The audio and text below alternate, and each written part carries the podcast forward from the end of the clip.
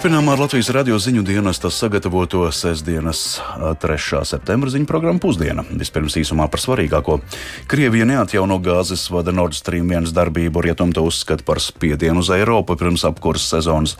Maskavā simtiem cilvēku atvadās no pēdējā PSRS līdera Mihaila Gorbačova. Latvijā pieauga nelaimes gadījumu skaits uz dzelzceļa, biķernieku trasē Rīgā viens no gada vērienīgākajiem autosporta notikumiem Latvijā pasaules rallija krosa čempionāta posms. Šie un citi temati turpmākajās minūtēs.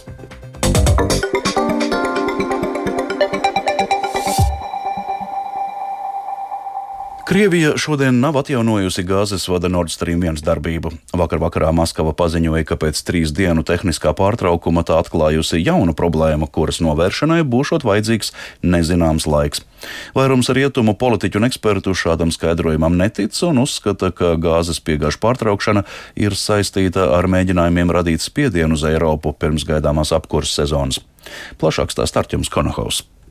Krievijas gāzes koncerna Gazprom paziņojums piekdienas vakarā, ka tās neatjaunos gāzes padevi Vācijai pa cauruļvadu Nord Stream 1, zināmā mērā bija gaidīts. Eiropas komisijas priekšsēdētāja Urzula Fonderleina jau kopš vasaras sākuma atklāti saka, ka viņa strādā pēc pieņēmuma, ka Krievija jebkurā brīdī var pilnībā atslēgt gāzes piegādes Eiropai.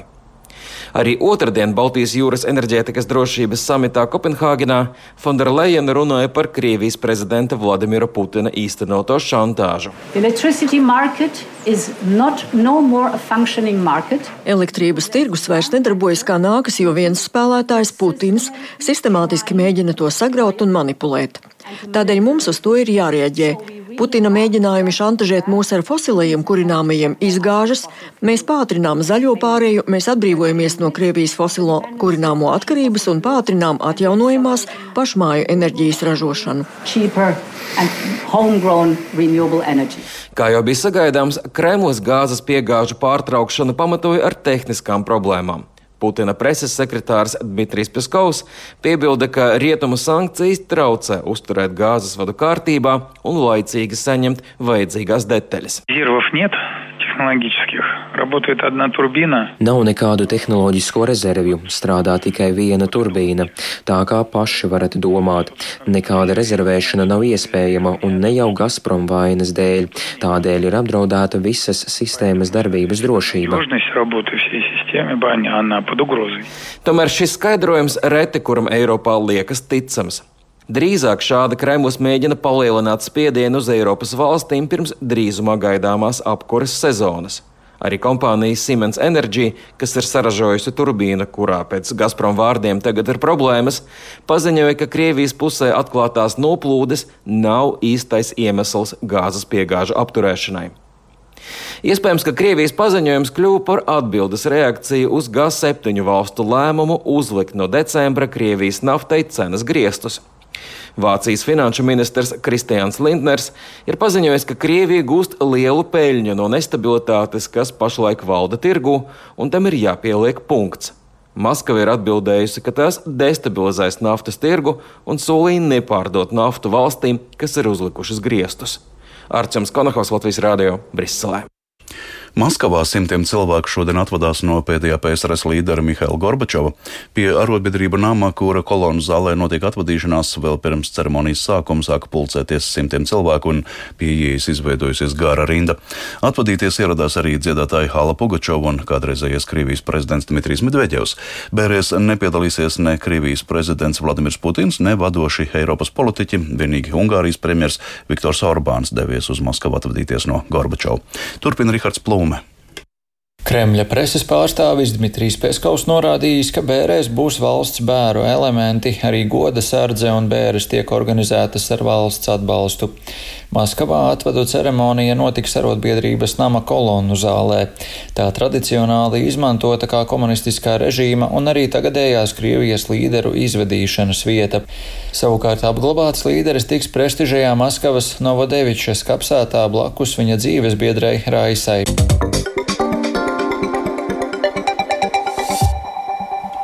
Šogad Latvijā uz dzelzceļa pieaudzis nelaimes gadījumu skaits. Astoņos mēnešos bojā gājuši tikpat daudz cilvēku, cik visā pagājušajā gadā. Uzņēmumā Latvijas dzelzceļš gan norāda, ka gadu laikā situācija ir uzlabojusies. Satiksmes eksperti uztrauc pieaugušais pašnāvnieku skaits. Iemesls tam varētu būt tagadējais cenu kāpums. Vairāk Viktora Temidova ierakstā. Šogad uz dzelzceļa sliedēm bojā gājuši jau 11 cilvēki. Te jau visi bija vīrieši. Nelaimes gadījumi lielākoties notikuši Rīgā un ap to.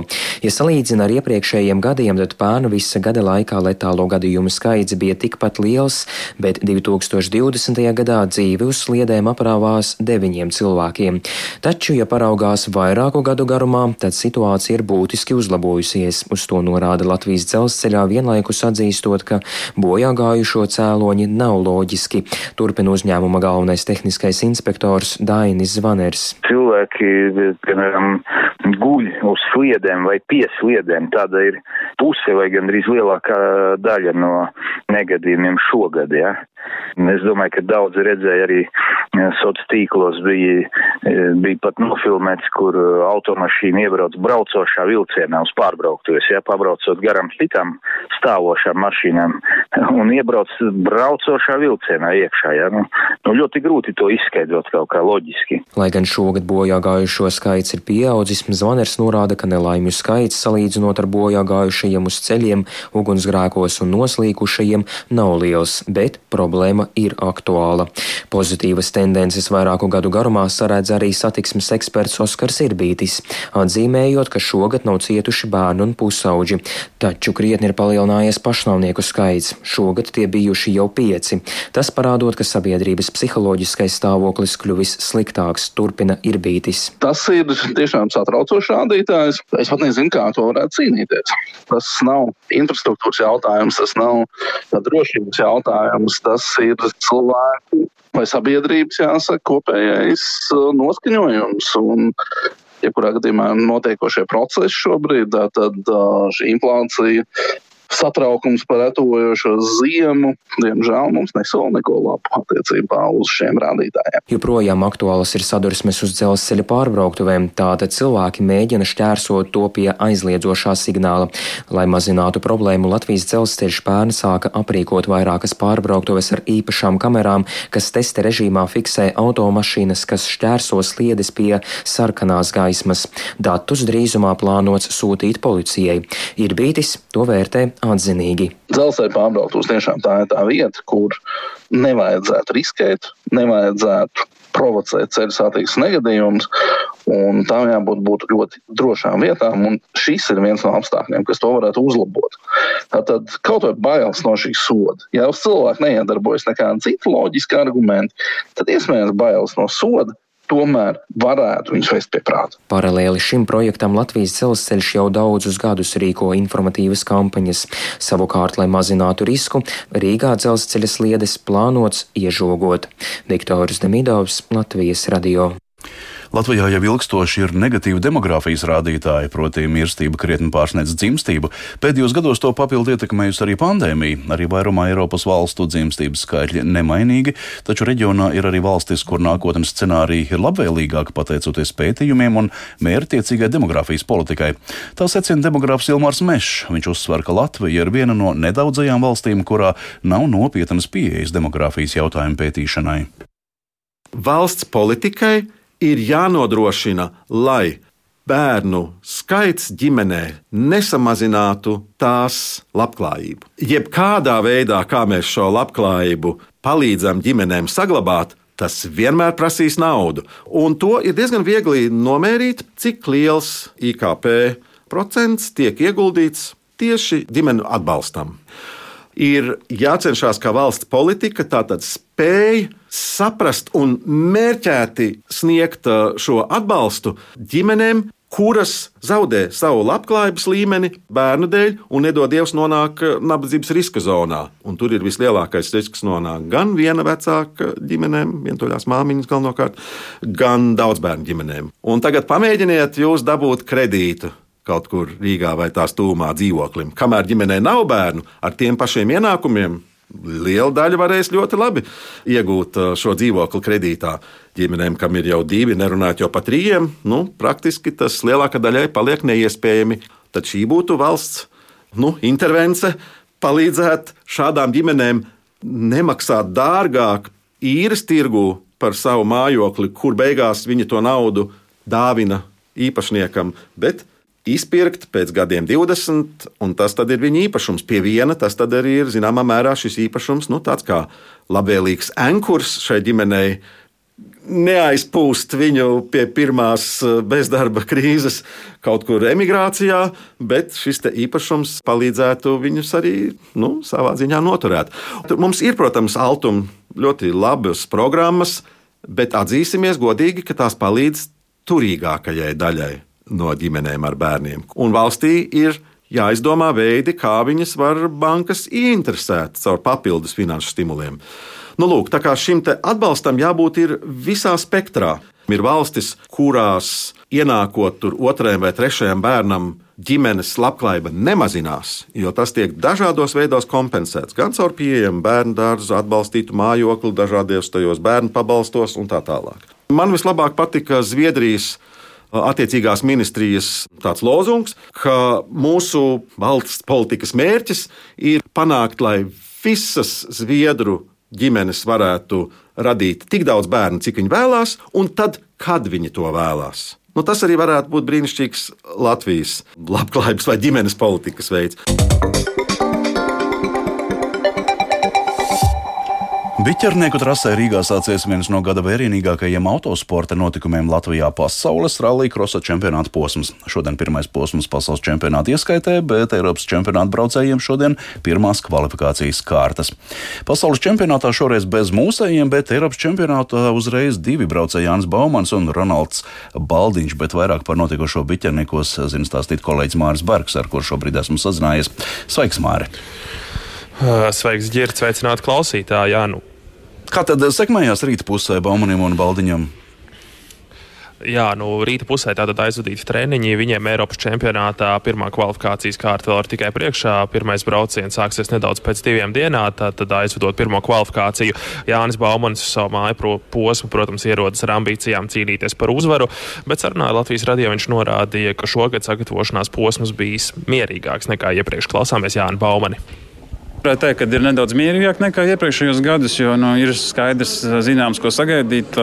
Labi, ka tās nav pirmās sezonas sacensības, jo tad būtu ļoti daudz nezināmā, kā ar jauno mašīnu ir braukt. Bet teikt, ka šobrīd vairāk kā sezona pusē esmu jau viņu apradis un ir ir skaidrs, kā viņi uzvedās trasē, kas man ir jādara. Un, un, un tagad tikai jācer uz labiem startiem, un, un, un tad jau rezultāts būs. Pie mašīnas matradas ātrumu, ātrums trasē ir labs. Tagad sagalvenais ir tie starti, un, un, un ja ir labi starti, tad jau var cerēt uz ļoti labu rezultātu.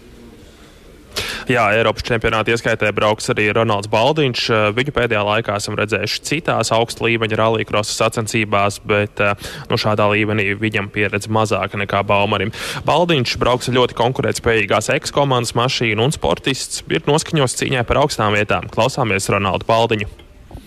Man no bērna kājas ir audzināts, ka sacensības ir, kur cilvēki sacenšas. Ja grib atpūsties, tad ņem groziņu un uh, iet uz, uz, uz mežu sēņot vai ogas lasīt. Nav svarīgi, vai tās ir lielas sacensības vai mazas. Mērķi ir visaugstākie, un, uh, ja, ja tev nav mērķi visaugstākie, tad varbūt nav jābrauc. Jā, nu visbeidzot, Eriks 2E klasē ar elektrisko mašīnu šāda līmeņa sacensībās debitēs jaunais Roberts Vītols. Treniņos viņam otrais laiks un cerības uz labiem rezultātiem arī dienas turpinājumā. Viņam pirmā kvalifikācija arī tieši divos dienā, bet šo, šobrīd pusdienlaikā man tas arī viss ģird.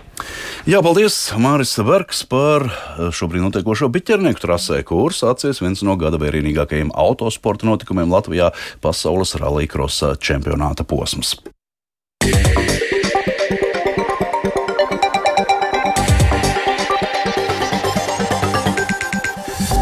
Līdz ar to izskan 3. septembra ziņu programma Pusdiena. To producēja Vija Bremse, par labskaņu rūpējās Krišāns Stikāns un Kristaps Seida, studijā Ģerts Auzāns. Vēl īsi par svarīgāko.